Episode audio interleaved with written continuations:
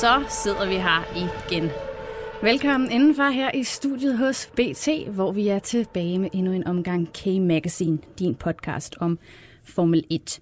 Mit navn er Stine Braunschweig. Jeg er din vært her på programmet, og jeg har lige været på en øh, lille uges ferie, så jeg skal selvfølgelig beklage over for faste lyttere af programmet, at I må, altså måtte gå forgæves i øh, sidste uge. Men nu er jeg her altså heldigvis igen og jeg er kommet i fornemt selskab som sædvanligt. Denne gang er jeg flankeret af BT's Formel 1-korrespondent Peter Nygaard og racerkører Ronny Bremer. Nå, drenge, har jeg kunnet få tiden til at gå uden K-Magazine i en hel uge? Ja, ja, det går lige. ja, ja, det gik faktisk overraskende nemt. Ja. det var det, jeg er ked af at høre. Ej, okay. Jamen, savner dig. Altså. Nej, det er godt, det er godt. Trods alt, så føler Tænk jeg mig... på dig på et tidspunkt. så føler jeg mig da trods alt en lille smule værdifuld. Øh, Ronny, som racerkører, hvad er sommeren så egentlig for en tid? Jamen, den, den kan være god, og den kan være skidt. Hvis man øh, går på sommerpause til, at øh, tingene ser godt ud, så er det rigtig, rigtig fedt lige at få et break. Øh, omvendt, så hvis det er rigtig skidt inden, så er det selvfølgelig også fedt at få et break, men det er samtidig også sådan en, hvor man, øh, man må gerne lige have klaret lidt bedre inden. Så der er arbejde at gøre, uanset om det er sommerferie eller ej, så er det ikke sommer-sommerferie, men man får da lige et lille break mellem øh, et par løb, hvor man dog lige kan lave nogle personlige ting, men der bliver stadig arbejdet på højtryk. Og Peter, hvad er det så for en periode som Formel 1-journalist? Jamen, det er en dum, en dum, en dum journalist. En dum, Også det. ingen nævnt, ingen glemt. Nej, det er, det er en dum periode på den måde, at, at uh, Formel 1 sommerferie først falder i august, jo, og det er jo der, hvor, hvor Danmark går i gang igen, og børnene skal i skole og så videre. Så på den måde er det sådan lidt skævt, men, men uh, jeg glæder mig til at få fire uger uden at skulle se en lufthavn. Lige om lidt, der tager vi hul på dagens udsendelse. Velkommen til alle jer, der lytter med. Well, now, James, they've changed the regulations concerning the airboxes and the wings, and yet you're still extremely fast. How do you do it? Big balls. Nå, drenge. Jeg ved simpelthen snart ikke, øh, hvor vi skal begynde. Så jeg tænker, vi bare prøver at kaste os ud i det, og så ser vi, øh, hvor vi ender henne i dag. For i søndags, der blev der jo altså kørt Formel 1 i Østrig. Og på trods af en uh, fuldstændig forrygende øh, kørsel af Kevin Magnussen i kvalifikationen, der dog fik lidt hår i suppen på grund af straffen for en skiftet gearkasse, så blev det altså til et ret elendigt løbsresultat for Haas og danskeren. Magnussen han sluttede som nummer 19. Peter Nygaard, jeg synes efterhånden, at det er hver onsdag, vi sidder her og snakker om de, undskyld udtrykket, forbandede dæk og mangel på fart. Hvad søren er det, der foregår Ja. Hos Ars, hvad ja. er det, der foregår? Jamen, hvad er det, der foregår? De, de sidder jo og klør sig selv i, uh, i håret og kan ikke finde ud af, hvad, hvad, hvad, hvordan de skal komme videre. For, for det er rigtigt, det, det, det er nemt at pege på dækken, og det gør Haas jo også selv. Men, men, men som jeg tit har sagt, så, så er det jo de samme dæk, som de andre kører på. Så, så et eller andet sted må, må de også gribe i egen barmer og se på, på hvorfor deres, deres bil fungerer ikke på de her dæk. Uh, og det, det er der øvelsen ligger. Og uh, det kan de jo bare umiddelbart ikke forstå, og det er, øh, er jo ærgerligt, fordi bilen er potentielt lynhurtig. Det viste Kevin øh, endnu en gang her under kvalifikationen. Men, men øh, vi skal også huske på, at det er et lille team, øh, små ressourcer, ikke øh, en udviklingsafdeling, som de andre teams har, og, og så er der det her testforbud, som man kan ikke teste. Så, så det er svært at komme efter den, når først man er kommet så langt bagefter, som, som har sig. Så det ser skidt ud. Ronny, ligger noget af forklaringen i det her med, at Haas bare er et mindre team og ikke har de samme ressourcer til rådighed i forhold til at løse de her problemer, når de så opstår? Det kan vi ikke sige 100%, men det er der en god chance for, i og med jo mindre mandskab, jo sværere er det også at, at løfte den samme opgave som de andre. Jeg tror også nogle gange, vi glemmer sådan lidt de andre teams, fordi jeg synes også, at hvis man ser på øh, Racing Point og nogle af de andre, de har også problemer sådan op og ned, men dem snakker vi selvfølgelig ikke om på samme måde, fordi Kevin ikke øh, kører der. Øh, så, så det er ikke kun Haas, der har de her problemer her. Og det, der sådan er det nemmeste, ej nemmeste er måske et stort ord at sige, men, men det, der er rigtig nemt i racerverdenen, det er det her med at øve til at køre én omgang perfekt. Men det er ikke det, du vinder racet på, det er øh, den lange distance. Og jeg tror, de har i lang tid fokuseret meget på det her med at kvalificere sig godt, fordi det har selvfølgelig en stor effekt. Øh, hvis du ikke skal ligge og slås med dem, som du helst ikke vil slås med, så kommer du måske lidt fri, og så får du faktisk et bedre resultat i løbet. Her får de bare dobbelt problemer, fordi at de ikke kan køre, hvis det ikke er deres egen pace. Og jeg tror, det er det, der frustrerer dem, at når de ligger og tester og gør ved, så kører de deres egen pace, så virker det nogenlunde. Men lige snart de kommer i løben, så er de presset, og nogle andre skal ud i nogle andre situationer, og kan ikke rigtig få den ro, der skal til at få dækkene op i den temperatur, som deres bil nu arbejder bedst på. Og jeg tror, det er der, de har nogle problemer, uden at jeg kan sige det 100%. Men Peter, altså jeg tænker over, jeg kan jo ikke lade være med at tænke på, selvfølgelig kører de andre hold på de samme dæk og sådan noget, men er der måske ikke også noget om, at det er den type af dæk, som Pirelli de leverer, fordi vi har jo set flere hold har formået at og, og køre enormt lange stints på typer af dæk, som slet ikke i princippet burde være egnet til at køre, øh, køre så mange omgange, som vi har set det i tidligere løb?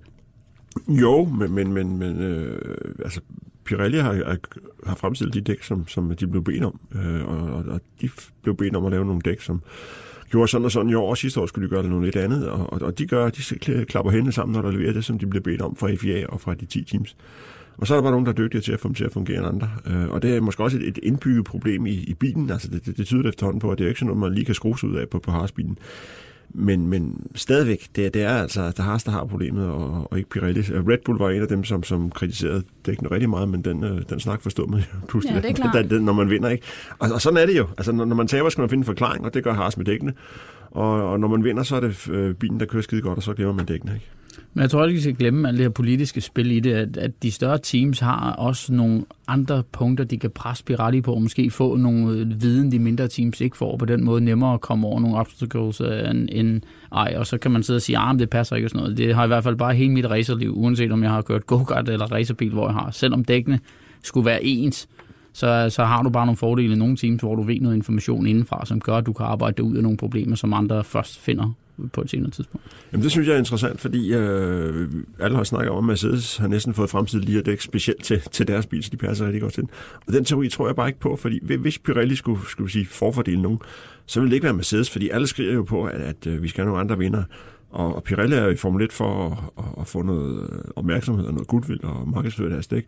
Og det gør de jo bedst, når man snakker meget om Formel 1, og det gør man ikke, når det er samme team, der vinder. Men, plus, men det gør plus, vi netop nu. Plus, Rønne, må du ikke afbryde. Pas din booster. Plus, når, øh, hvis, hvis øh, Pirelli skulle hjælpe nogen, må det så ikke det vil være de, de, de røde biler fra Maranello, som ligger lige om hjørnet. Jo, men jeg, jeg siger ikke, at de hjælper et specielt team. Jeg siger bare, at nogle teams har adgang til nogle data, der kan hjælpe dem over noget, fordi de har en større forståelse af, hvordan Pirelli har lavet dækket. Det er ikke adgang, der er til alle teams. Og, og det er der, det der politiske spil kommer ind. Og jeg siger ikke nødvendigvis, det er Mercedes, de hjælper. Jeg siger bare, at der er nogen, der har adgang til noget information, og andre ikke har. Og det vil hjælpe en. Vi, vi lever i en verden, hvor uanset hvad, så er alt ikke hemmeligt. Det tror jeg, alle folk kan lægge genkendende til. Så det, det tror jeg det, godt, vi kender fra journalistbranchen i hvert fald. Så, så på den måde er der nogle ting, der slipper ud til nogen, som ikke slipper ud til andre, der måske kan hjælpe dem i den rigtige retning. Og jeg tror faktisk også, som jeg så løbet med Red Bull, så var det netop i en situation, hvor de faktisk fik dækken til at virke, så hele hans stint kørte bare hurtigere, hurtigere, hurtigere, hurtigere, fordi det virkede i det vindue.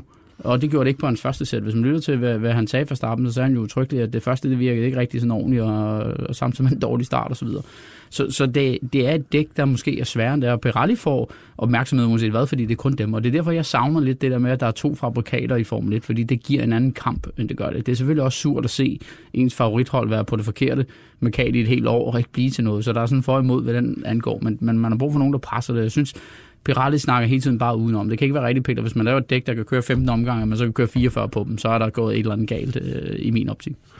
Altså, det er rigtigt, at, man snakker om Pirelli i alle tilfælde, fordi det eneste dæk, det var det er, men man snakker ikke positivt om Pirelli. Altså Pirelli får jo bare nogen over nakken i øjeblikket, alle steder fra, øh, og, og, og, det er jo ikke derfor, de er med i Formel 1, der bruger så mange penge på det. Nej, men da de var med i Grand Am, da jeg kørte i USA, der var de sjovt nok heller ikke øh, særlig populære, fordi det kunne heller ikke holde dækkene. Så hvis man ikke laver et dæk, der kan performe ordentligt til den øh, kvalitet, der forventes, så er det jo klart, at man får dårlige omtaler. Hvis man ikke kan levere nogle dæk, og, Hold nu op, hvor vi kommer. Ja, og jeg kunne egentlig bare sætte mig udenfor nu, og ikke, øh, men øh, ja, det er jo en, en helt en vild snak, og vi kan jo selvfølgelig sidde her og gisne rigtig meget, men vi må lave en deck special. Det, jeg tror, vi skal sætte flere år øh, af til at, til at optage tid. Så.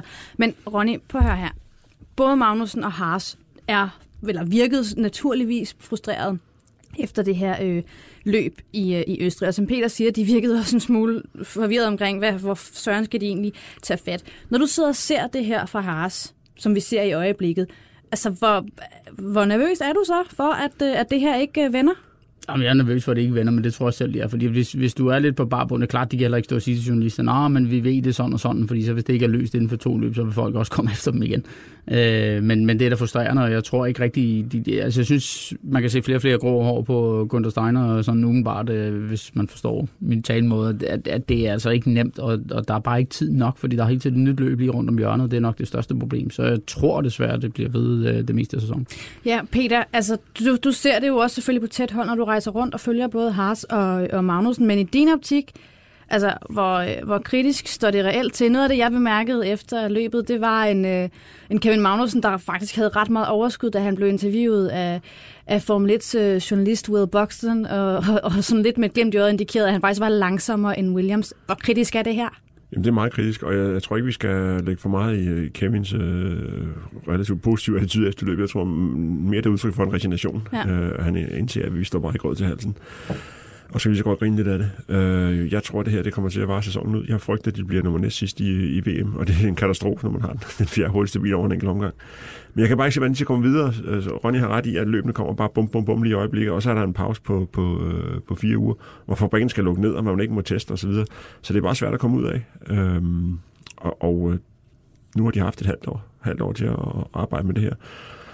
Og jeg synes ikke, der er nogen tegn på forbedring, måske nærmere tværtimod. Og hvis det ikke, altså hvis, det, hvis vi ser en resten af sæsonen, hvor det bare ikke, øh, ikke bliver bedre, jamen, altså hvad, hvad, jeg, jeg tænker jo selvfølgelig, hvad kan det her få af betydning for Kevin Magnusens øh, fremtid som racerkører? Jeg tror faktisk ikke, det får så meget betydning for ham, fordi så længe han gør det, han skal, og han er, han, i mine øjne, der han øh, virkelig sat sig i hak i forhold til Grosjean hele tiden, og, og jeg kan love dig sådan en femteplads her, hvor det bare er lort, ikke? Den, den svarer bare til en, en pole position, altså det kunne man også høre over radioen og sådan noget andet. Det, det er virkelig noget, der giver teamet øh, et, et boost, når det er, så man i det mindste kan se lidt lys på, okay, qualifying kan jo det mindste få lidt ud af det. Så er det så dobbelt dårligt, når vi så klarer det dårlige løb. Nu fik han også en straf samtidig og sådan noget, men han var jo ranglet bare ned igennem øh, feltet, så jeg tror ikke, den straf havde gjort den store forskel, om han har fået den eller ej. Så, så øhm, ja, de, de bliver nødt til at få arbejdshandskerne på at komme videre. Jeg, jeg tror også, det bliver slemt, men jeg tror ikke for hans karriere, at det gør noget andet end, at, at netop når han så laver sådan nogle præstationer i qualifying, gør, så fremstår han faktisk endnu bedre, end hvis det ikke var. Men kan det omvendt, Peter, give Kevin Magnussen altså, lyst til ikke at ville køre for Haas næste sæson? Eller, ja. ja, altså Kevin er i den her branche for at vinde og gøre det så godt som muligt. Jeg tror ikke, han har så mange alternativer lige på, på nuværende tidspunkt, men vi skal snakke øh, kørerokader og mm. season senere. Der kan, der kan ske en hel masse. Nå, men jeg tænker, hvad, hvad sætter det i gang af tanker hos en, hos en racerkører, at man er på et hold, hvor at, at du, der, løsningerne findes bare ikke? Er de ikke inden for rækkevidde? Jamen, det er, der er krise hele vejen rundt, og en ting er, hvad, hvad Kevin føler, noget andet er, at øh, jo, jo længere det her øh, fortsætter, jo, jo værre det faktisk bliver, øh, så øh, bliver der behov for at finde nogle syndebuk, nogle forklaringer på det her. Øh, og som det er nu, så er det Grosjean, der, der står øh, svagest, og det er jo heldigt for Kevin. Men tænk, hvis Kevin har haft en dårlig sæson, så er det ham, der står svagest. For sådan er Formel 1. Der, der skal findes nogle forklaringer på det her. Og hvis de bliver ved, skal der rulle nogle hoveder. Øh, og der er Grosjeans øh, hals altså lidt længere end Kevin lige med, med det i øjeblik. Og altså jeg kan frygte for, hvad der skal ske, fordi hvis de, hvis de kommer ned på den her 9. plads, så får de for det første øh, langt færre andel i, i, i tv-pengene. Øh, og så er der så er der Rich Energies, den her sponsor, som, som øh, efter hvad man hører, ikke er, er hvordan skal man sige det pænt? det, er ikke, det er ikke sikkert, at øh, alle pengene er kommet helt til tiden. Nej. Du havde ja, en kommentar, Ja, ja, men det var bare i forhold til, at, at, at Kevin har ikke rigtig noget andet sted at gå hen som sådan, men også Grosjean er heldigvis i den situation, at teamet klarer det dårligt, så, så jeg tror ikke, at køren bliver syndebukken. Men det kan godt ske, vi har vi set en masse gange i Formel 1, så, så det er, men, men lige nu tror jeg, at han er lidt safe, fordi at teamet klarer det dårligt generelt. Så det kan godt være, at Kevin lige klarer det godt i, i qualifying, men, men der klarer Grosjean det jo også lidt bedre. Øh, så jeg tror ikke, Grosjean er så udsat, at han bliver fyret nu, men, men øh, også fordi, at det ikke er Ferrari. Havde været Ferrari, så tror jeg godt, det bare var en kører, der var flot med det samme. Jamen, det er heldigvis et relativt harmonisk team, og, og skal man sige, pæne mennesker på mange måder, men, men hvis det kommer det til, hvor der skal ske et eller andet, øh, og, og det gør det jo i racerteam, der er i krise, ja. så, så, så vil ledelsen jo hellere fyre Grosjean, end de vil fyre sig selv. Ja, ja, det kan man sige, men, men så, så, så tror jeg mere, at det er nogle, nogle dækleverandører, eller, eller hvad hedder det, dækspecialister, der, der, der bliver taget ind. Altså jeg tror, de er kloge nok til at se, at Grosjean er ikke problemet lige nu, fordi hvis de så skal tage en anden kører, så skulle det i hvert fald være for at spare nogle penge. Øh, så de to et eller andet newbie, øh, der, der måske har nogle penge med frem for en, der skal have nogle penge, selvom det er jo i det store billede af små penge, han får. Vi kan jo selvfølgelig bare kun sidde og vente og se på, ja. hvad der sker. Peter, inden vi lige hopper videre i udsendelsen, så skal vi jo som sædvanligt lige forbi vores øh, faste element. Ja, men, ja. men jeg vil egentlig godt have, at vi måske tog en anden blok først. Det vil passe Nå, bedre i kronologien, okay. hvis det passer dig. Jamen, det snakker... passer mig fint. Uh, tak for briefingen, inden ja. vi gik på udsendelse ja, i dag. Det var der, der snakker vi om morgenmad. Ja, ja men uh, så skifter vi fuldstændig genre lige nu, fordi uh, nu skal vi lige tease for noget lidt andet.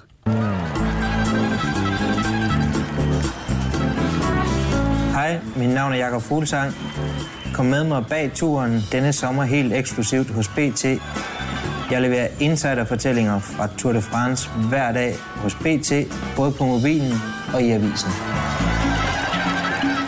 Ja, For på BT, der glæder vi os altså til en sommer fyldt med cykling og øh, Tour de France. Og derfor har vi altså lavet et øh, stort samarbejde med den danske cykelstjerne Jakob Fuglsang. Han vil efter hver turetappe skrive klummer eksklusivt til BT.dk.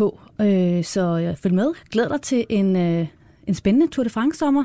Det handler om alt andet end, uh, end hurtige biler, når det kommer til Jakob Fuglsang, men ikke desto mindre, så bliver det altså ret spændende. Og så hopper vi tilbage til de hurtige biler. Jeg vil lige sørge for, at fuldstændig har et rigtigt dæk til det der Tour de France. Det tror jeg ikke, at uh, der er nogen, der får en e her. Det, er, og det er uha. Nej, det, det, nu, nu synes jeg, at vi er... Nej.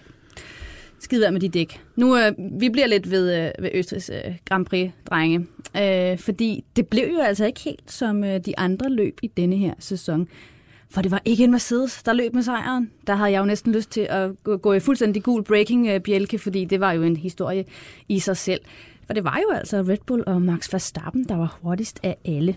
Men det her løb fik jo altså også noget af et efterspil på grund af den overhaling, som, som netop Max Verstappen han lavede på Ferraris Charles Leclerc, der førte løbet på daværende tidspunkt. Og overhalingen, den førte jo altså i sidste ende til Verstappens sejr. Men det var først tre timer efter løbet, at øh, FIA besluttede sig for ikke at straffe Verstappen, og dermed så fik han lov til at beholde sin sejr.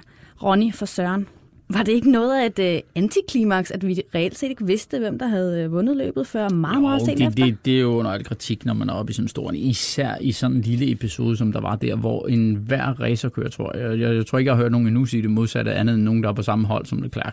Der var ikke noget galt med den overhældning der overhovedet. Øh, så, så jeg kan slet ikke forstå, at man har tre timer om at lave sådan en beslutning der. Altså, og det, det er bare under al kritik. Ja, Peter, det, der, altså, der er blevet snakket rigtig meget om, om den her FIA-beslutning, og det tog så lang tid øh, at beslutte, hvem der skulle have sejren. Er det ikke lige præcis denne her slags skrivebordsbeslutninger, der er med til, eller øger risikoen for at dræbe både sporten og interesse, og interessen for den? Jo, øh, jeg kommer ind på det i min, min patter, men, men, men jeg synes, øh, Ronny er fuldstændig ret. Den episode skulle aldrig nogensinde være behandlet for, for dommerne. Det, det var ren racerløb. Jeg synes, øh, lad, lad os snakke lidt om, om overhaling i stedet for. Jeg synes, den var, den var fuldstændig ren. Det var en flot overhaling, og øh, Leclerc lavede en fejl øh, ved, at, ved at give plads på indersiden, og det skal man aldrig gøre, når man har tre omgange tilbage, og når man, slet ikke når man har Max Verstappen bag, hvis i hvert fald. Og så prøver han at redde den ved, ved at holde på øh, på ydersiden, og der, der skal vi så måske kigge lidt på de nye moderne baner. Hvis der har været en, en væg på ydersiden, så havde det klart nok indset, at det, det sving, det var tabt, og så havde han øh, bakket af og måske på et angreb senere. Men, men altså, Max Verstappen kørte et glimrende løb, og den overhaling, øh, fantastisk overhaling, og dommerne skulle aldrig nogensinde have kigget på den. Der var jo flere kører, der, øh, der kritiserede øh, det her, øh, den her skrivebordsafgørelse, også at den tog så lang tid, som du også er inde på, øh, Ronny. Der var også Sebastian Vettel, der faktisk var ude og, øh, og, og give sit besøg med her. Og han var også relativt kritisk over for det her med, at øh, altså, vi er ikke, det er ikke Kindergarten Cup. Vi er her for at køre racerløb, og det synes jeg jo egentlig var, øh, var ret sympatisk. Altså, jeg fik også ved at være der, hvor alle de her beslutninger og, øh, og, og straffe, der skal gives i FIA-regi, altså det er, det er ved at selvdestruere. Jeg ved ikke, om det er ved at selvdestruere, for det er faktisk, hvis man kigger tilbage, har det været der før også, også øh, tilbage i tiden og sådan noget, og det, og det hører lidt Formel 1 til. Problemet i min verden er, Øh, og det er måske der, man godt kan sige, øh, hvad hedder det, savne øh, Charlie Whiting en lille smule, fordi jeg synes faktisk, det var han meget god til. Der, der kommer rigtig meget pres for, for brækkerne af. Øh, altså Ferrari, tro mig, de er i den radio der med det samme, og det kan ikke være rigtigt, og bla bla bla, og sådan noget andet der. Og det er der, som dommer, man skal være god til at skille lidt af og sige, det her det er en sport lige nu, det kan godt være, det er en industri normalt, og der er rigtig mange penge på spil, og det er der også alt muligt andet. Men lige nu kigger vi med sportsbrillerne, det, det, det er mange, vi har lavet. det er for sportens skyld. Så kigger vi på det, og så har der ikke været noget, og så var den lukket af der. Men, men det har man ikke balls nok til for sit liv ud, så man begynder på alt muligt og frem og tilbage, og selvfølgelig skal man se de forskellige øh, frekvenser og noget, men, men de har jo kører med, og Tom, der er på arbejde den dag, så han har nok også givet sit besyn med, men, men jeg synes, at man skal tage den lidt tilbage. Et kan man høre i stemmen Leclerc, når han får at vide, at Verstappen er på vej. Leave me alone, det var sådan en Kimi Räikkönen ting, ikke? så han ved godt, nu skal jeg stramme ballerne, fordi nu, øh, det, den her, den bliver svær at holde. Så kommer han op, Verstappen giver ham utrolig meget plads første gang i forhold til den første plads og alt muligt andet. Nok for at være sikker på at ikke få en straf. Mm. Men Klerk holder på på ydersiden og kommer tilbage igen og sådan noget. Så som Kisa sagde rigtig nok på fjernsynet også, øh, du er ikke idiot som racerkører. Anden gang du så kommer, så giver du ham selvfølgelig ikke lige, meget, lige så meget rum, fordi så ved du godt, det er slut, der er på omgang tilbage. Det er sjældent, du får sådan en chance to gange i træk, som Verstappen fik. Så er det klart, at du kører lidt ud, men hvis du kigger på hans ret, så er han hele tiden drejet til højre. Der er ikke på noget tidspunkt, han laver en Rosberg, hvor han lige kører lidt længere ud. Så på den måde, så, så det eneste, han gør, det er ligesom at sige, Leclerc, den her gang går den ikke. Men Leclerc tænker, det er eneste chance, jeg har for dig, og det er at prøve at holde på stadig. Og da det så kører sammen, så kan jeg jo brokke mig over det og håbe på, at den går. Han vidste også godt som racerkører, hvis du hørte ham ad, så sagde han, jeg har jo ikke set det opfra, jeg har kun set det inden for min bil. Det er et tegn på som racerkører, du godt ved, okay, jeg er ikke helt sikker i min sag, for ellers har du sagt, at, at den var 100% svinsk, og du har kørt ind i mig og alt muligt andet. Så han ved godt, at den her, det var nok ham selv, som Peter siger. Han skulle nok lige have kørt over til højre, ja. og, og holde ind og lade Verstappen prøve at gå udenpå. I stedet for at åbne døren for en førsteplads og sige, prøv du bare at komme op på siden, så ser vi, hvad der sker. Det, det var jo idiotisk i min verden. Det, jeg lagde mærke til efterfølgende også, det var, at der blev jo spekuleret lidt i det her med, at, øh, at, at fordi der også er de her stramme regler for, hvad du må gøre, og man, vi netop har set så mange gange, at, at øh, afgørelser er blevet truffet på skrivebordet efter løbet, at kører måske øh, ubevidst lidt bliver påvirket til så at træffe en beslutning på banen, der måske kan føre til, at der skal tages noget op i FIA-regi. Er, altså, er, du også, er det din teori også? Nej, for det tror jeg sgu ikke, han når lige at tænke over det. Sådan, i, I forhold til, hvordan jeg hører hans stemme på radioen, så er han okay under pres, og han tænker, at den første plads der, nu ryger den endnu en gang. Øh, det, det lykkes bare ikke for mig. Og derfor undrer det mig også, at han ikke går ind og lukker af til at starte med. Men jeg tror, han fejlvurderer lidt, hvor, hvor langt tilbage for stappen er. Og så tror jeg, han ved jo godt, den næste også det er i zone, så jeg tror, han fokuserer på, okay, hvis jeg lige får det her sving ordentligt, så kan jeg holde ham tilbage næste gang. Og så når han kigger sig, oh shit, så er han faktisk på siden, så, så var det for sent. Og så prøver han jo at holde på og tænke, okay, før, der, der var der plads nok, men som jeg sagde før, det er en hver racerkører giver ikke den samme chance to gange, fordi så, så er du ikke god nok på det niveau, det er i min verden i hvert fald. Så, så han burde også vide for starten, han lukker mig selvfølgelig af, når det er der, så han er ikke interesseret i, at jeg kan komme med hele vejen på siden og have lige så godt træk ud af, så jeg faktisk kan nå at forsvare min position. Så, så som Peter siger, et af problemerne er også, at der ikke er nogen dækmur eller noget derude, som man bare kan køre ud. Så holder du på i længere tid, for ellers så havde han indset for lang tid siden, okay, den er tabt, og så har han måske endda prøvet at være lidt klog og bremse bag i ham og se, om han kunne komme bedre ud af svinget. Og komme Nu prøver han bare på ydersiden og, og prøver at holde den og håber på, at han faktisk kører ind i ham, så der måske kan være et eller andet at gå efter det. Peter, så vil du gerne komme med din paddock-ting nu, ikke? Kan vi godt... Uh, kan jeg vil godt vente. nej, du vil nej, gerne vente nej, nej, nej, nej, nej, nej, Okay, har du taget noget saftigt ja, ja, jamen, saftig jeg, ikke, saftigt, jamen, det, det, det, jeg vidste, vi ville komme til at snakke om den her dom, men jeg vil godt sådan lige give, give kronologien fra, fra vores side, for det, det var jo, selvfølgelig var det, var det irriterende for mange, at, at vi skulle sidde og vente så længe, men øh, det var med også irriterende for os, der skulle sidde og skrive om det, at vi ikke kunne, kunne lave en uh, slå det sidste punktum. Men, men at det blev omgående klart, at, at dommerne, altså med, med Tom Christensen i spidsen, de skulle se på episoden, og det, det kunne vi nok ikke undgå. Og så kunne vi jo bare sidde og vente op i mediecenter. Der, der var ikke øh, til at skrive om løbet, fordi vi ikke vidste, hvem der havde vundet. Øhm, og så blev stemningen altså mere og mere irriteret, som, som tiden gik. Øh, for det første fordi, som vi snakker om her, alle var jo næsten enige om, at Verstappen ikke gjorde noget forkert. Det, det var nok kun ham fra Gazzetta der Maranello, der mente, at hollænderne skulle, øh, skulle straffes. Øh, og for det andet ville vi alle sammen bare gerne være færdige. Det har været en, en lang, øh, varm weekend nede i Spielberg, og, og det kom lige røven på en lang, varm weekend i Frankrig, så vi vil gerne hjem. De fleste skulle op til, til Wien overnat på, på Hotel Mox i Lufthavnen øh, det her søndag aften. Og det kunne bare ikke gå hurtigt nok med at komme afsted. Også fordi vi vidste, at der var så mange, øh, altså der var tusindvis af Verstappen gav Holland ud på, på vejene. Med, Ej, der var med godt nok mange. Med deres, med deres campingvogn, de bliver nok også blokeret øh, blokere vejene. Men, men, men, men på den anden side, jeg, jeg kan godt forstå, det tog sin tid på sin vis, fordi det, det er jo ikke som i fodbold, hvor, hvor man lige kan stoppe kampen i et minut og kigge på video, og så beslutte, om der er offside. Altså løbet fortsætter selvfølgelig, øh, og episoden kom så sent i løbet, så, øh, så man kunne faktisk rigtig komme i gang med at behandle den efter løbet. Og, og der var man så nødt til at holde sig, det, det skal jeg også med, og preskonferencer. Så dommerne kom faktisk først i gang med at behandle sagen ved 18 hvor løbet var færdigt kl. 16.30. Øh, ikke? Øh, og som vi også tit har snakket om her, altså de der dommer, de har meget mere at se på end de tv-billeder, som, som er tilgængelige hjemme i stuen. Så der er også noget at gå igennem der. Men jo længere tid der gik, jo mere irriterende blev folk i mediecenteret, og jo mere begyndte vi faktisk at frygte, at der virkelig var en sag her. At dommerne på grund af måske andre tvivlsomme dommer osv. var malet op i et hjørne, hvor de, hvor de på en eller anden måde var tvunget til at undskylde at straffe øh, Verstappen. Og stemningen blev så ikke bedre af, at der var en øh, i, i egne øjne spasmager, der fremstillede en fake dom, der, øh, altså på noget, der mindede officielt FIA-papir, der pludselig cirkulerede i mediecenteret. Og der fik... Øh, og på Twitter skal jeg helt så sige. Og ja, men det gik jeg bare helt amok. Tænk, tænk når der sidder 100 journalister og venter på deadline, ikke? og så kommer ja. den der øh, dom, øh, som faktisk så til forladeligt rigtigt ud. Øh, og der ifølge den, så fik straffen en, øh, fik Verstappen en, en tidsstart på 5 sekunder, og så havde Leclerc vundet. Og de journalister, der havde den skarpeste deadline, de var allerede klar til at trykke på sendknappen, da, da faken så blev afsløret, og så kunne vi bare vende videre. Ned, ned i paddocken, der var de alle sammen i gang med at pakke sammen. På nærlig Red Bull og Ferrari, øh, der gjorde man øh, så klar i, i, hos, hos begge team til at holde en preskonference, når der kom en, en dom. Og Ferrari forsøgte selvfølgelig på ægte, ægte italienske mafiaviser at få lidt gudvild ved at servere kaffe til, til journalisterne. Men så kl. 19.47, altså mere end tre timer efter løbet, så kom dommen. Og det var den eneste rigtige dom, som, som vi snakkede om. Og så kunne vi skrive, aflevere og endelig komme afsted. Og så var det næsten midnat, da jeg tjekkede ind på Hotel Moxie oppe i, i Wien. Racing, competing is in my blood. Sommeren, den er over os. Der er ikke meget sommervejr over det i dag. Det stormer en halv pelikan, skulle jeg hilse at sige. Men ikke desto mindre, i Formel 1-regi, der betyder det altså, eller er det altså også ens betydende med silly season. Rygter, rygter, og når jeg lidt flere rygter.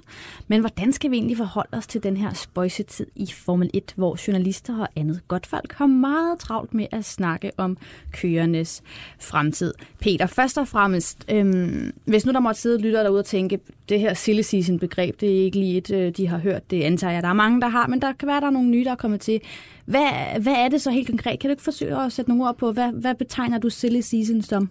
Altså helt, øh, skal man sige, oversætte direkte, så silly season, det betyder agurktid, og det kender vi jo blandt journalister, og i, i Formel 1, der betyder det den tid, hvor, hvor vi begynder at snakke om, hvem der skal køre vogn næste år. Øh, og, og det er en, en tid, hvor, hvor det godt nok er grejt at komme med alle mulige vilde teorier. Øh, og, og, og nogle af de teorier, der, der, der kom frem, jeg så i sidste uge, at Kevin skulle til, til Red Bull osv., jeg synes, øh, hvis jeg skal give øh, Formel 1-fans og læsere og følgere det her program et godt råd, så, så, så se, hvor de, de rygter de opstår. Øh, der er alt for mange, der, der sender gratis rygter afsted, øh, måske for at få en god historie, men det, der er altså ikke så, så forfærdeligt mange... Øh, man skal, man skal sortere, sortere sine kilder, fordi ja. øh, der, det er fornemt at, at sende et rygte til værs i den her verden, som så bliver cirkuleret rundt på internettet, og pludselig så er det en halv sandhed af, Kevin køber Red Bull næste år. Ronny, når den her øh, tid, den rammer Formel 1, øh, sidder du så og tænker, åh oh, nej, nu skal vi til alt det her igen. Eller hvordan har du det egentlig med, med hele den her rygtebørs, der pludselig starter op? Nej, jeg har det fint nok, men jeg synes, det er lidt sjovt, det Peter siger, for jeg synes jo, at øh, I er med til at starte nogle af de rygter, der nogle gange er, hvor man tænker, okay, hvor fanden kom det fra? Men, men det er selvfølgelig name of the game, og det er, at øh, det både kan være nogle lidt mere savlige rygter, men også nogle gange nogle lidt vilde rygter, men nogle gange er det jo de vilde rygter, der ender med at være sande i den sidste ende, så,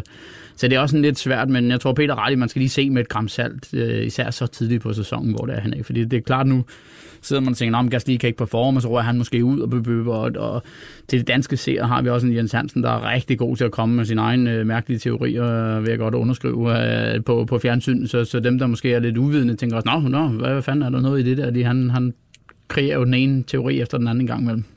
Så, så jeg tror, man skal tage det med et gram salt, og man skal også huske, at en ting er, vi, vi har meget tendens til at kigge lige nu, men der kan ske rigtig meget bare for 14 dage, og der kunne ske rigtig meget for tre måneder siden, så, så en situation kan hurtigt vende til noget andet. Så det kan godt være lige nu, at så giver det mening, hvis man selv var teamet og siger, okay, så er det den her beslutning, vi gør sådan noget. Men der, der er altså som regel nogle kontrakter og en masse penge og, og magt involveret, der gør, at det er som regel ikke bare lige sådan, at der er en, der bliver stridt ud, og en anden, der kommer ind.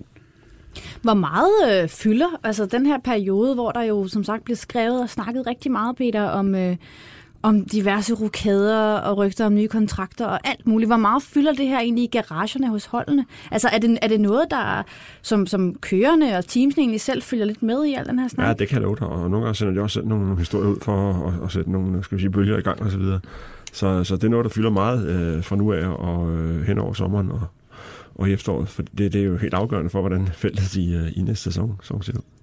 Ronny, hvilken kører eller hvilket hold tror du, vi kommer til at høre absolut flest øh, rygter og røverhistorier om i løbet af sommeren? Det tror jeg faktisk måske en, der bliver Red Bull. Øh, I hvert fald som tingene ser ud lige nu. Jeg ved ikke, om dem der mest er lidt svært, fordi der kan også ske noget andre steder. Altså jeg tænker, en, en, en Bottas er også rigtig udsat i min verden. Altså der står en Ocon, der venter, der de måske godt kunne på at sætte ind. Jeg ved ikke, om man lagde mærke til Tosse Wolf ansigt endnu en gang, dengang... øh, de øh, lige hurtigt smuttede forbi. Jeg tror, det var Fettel, der, nej, eller Clark, der skulle forbi. Ikke? Der blev ikke kæmpet meget. Han sagde så, at han havde nogle varme problemer og sådan noget andet, men Ja, jeg tror Bottas er lidt udsat. Han startede rigtig godt, men, men hvis han ikke snart strammer ballerne, så kunne han måske godt være en, der røg ud. Jeg tror, Gasly øh, skal godt nok også til at stramme ballerne, hvis han ikke skal skiftes ud med noget andet. Hvad med dig, Peter? Hvem tror du, vi kommer til at høre om, altså, og som måske potentielt bliver rygtet til absolut flest hold? Øh, jeg vil hellere se på den anden, hvor, hvilken time vi kommer til at snakke mest om, og der vil, vil jeg give, uh, give Ronny ret i, at det, det er Red Bull, fordi de er faktisk to kører, som, som begge to kan, kan blive skiftet. Gasly er, åbenlyst grund, han, han, han, han har ikke performet godt nok. Og Verstappen har også, det indrømmet han selv, en, en eller anden øh, øh, hvad skal man sige, exit-klausul i, i sin kontrakt, hvor der skal være leveret et eller andet øh, resultater, ind, faktisk inden sommerferien, hvis han skal blive, eller omvendt, hvis de ikke har scoret så mange resultater, så kan han, kan han forlade teamet, selvom han har en, i princippet en kontrakt for næste år. Og jeg hører, at, at øh, netop ved at vinde øh, Østrig Grand Prix, jeg tror, klausulen var, at hvis vi ikke har vundet inden sommerferien, så kan du smutte. Så den her sejr i, på Red Bull Ring, Kom på godt Red, på Red Bull Ring. Altså, der, er, der, Det er plads, næsten der, poetisk. der er plads for konspirationsteorier Ja. her. Der, der, der, den, den kom på det helt rigtige tidspunkt. Øh, for det første, måske for Verstappen, fordi hvis han vil væk, så kom den for, på et forkert tidspunkt. Men, men for teamet i hvert fald, og for Honda, øh, bragte lidt ro over, at, at de i hvert fald har Verstappen til næste sæson. Jeg synes også, at man kunne høre på radioen, uh, Christian Horner nærmest sådan, tak ham, og vi er Ja. glade for dig, og vi tror på dig og sådan noget. Det lød også som om, det var sådan lige en tale om, at nu skal du ikke smutte, fordi du lige har vundet og sådan noget. Bliv du nu lige her hos os og sådan noget der. Men det er klart, han vil også være en kører, der har en drøm om at komme til Ferrari eller Mercedes på et tidspunkt. En naturlig grund ved, at man gerne vil prøve et andet team, når man har været der mange år. Men Ronny, hvis nu du får lov til at drømme helt frit her, ikke? Det her lille bitte lukkede forum, kun os tre, der er ikke nogen, der lytter med overhovedet. Kom så, Jens. Har du, en, øh, har du sådan en, en drømme, et drømmeskift eller en drømmekontrakt, du godt kunne, øh, kunne tænke dig, at vi fik at se? Jamen, jeg så godt Kevin ved et andet team. Ikke fordi jeg ikke kan lide Haas og sådan noget, bare for at se, om han kan performe en anden bil. Altså, Gasly er jo et godt eksempel på, at vi skal passe på altid med det her med kører og sådan noget andet, fordi der kan være en situation, hvor bilen passer dig godt, og han performede sindssygt godt sidste år, Gasly øh, i, i søsterbilen, og nu kan han ikke rigtig finde sig til rette og sådan noget. Det er det, der er farligt, når du er op til et stort team. Men samtidig så, så tror jeg, hvis det skal være for Kevin, skal det også snart være. Øh, ellers så tror jeg, at tiden går, og så bliver han sådan en middelmodig kører, forstår på den måde, så, så er det et middelteam, han kører ved hele tiden. Så jeg kunne godt se drømmescenariet, at han fik chancen enten hos øh, Ferrari, Red Bull eller Mercedes for den sags skyld. Og hvis du ikke må sige Kevin Magnussen, Peter, hvem kunne du så godt tænke dig at se, at vi fik at se hos et nyt hold? Men jeg vil godt se, hvad Lewis kunne i, i en bil, der ikke er den absolut bedste i feltet. Jeg tror altså ikke komme. Jeg, jeg, jeg, jeg er med dig, men... Ja, men øh, vi, vi, vi, vi, vi må da drømme helt vildt. Øh, det, det kunne jeg godt tænke mig at se. Men det, der er så spændende den her kommende silly season, øh, det er jo, at, at, at øh, i og for sig tror jeg, det bliver en re- relativt stille periode, fordi de fleste kører har kontrakt, men, men der skal bare en En, der åbner ballen. en, en, der åbner ballet, og det kunne være Fettel, der, der kaster smider sutten. Det kunne være øh, Max, der, der, der øh, måske trigger en exit-klausul, hvis han stadig har den osv. Og så går det altså bare stærkt. Så falder dominobrikkerne på en måde, som ingen havde forestillet sig. Jeg skulle lige til at sige det. Det er nemlig domino-effekten.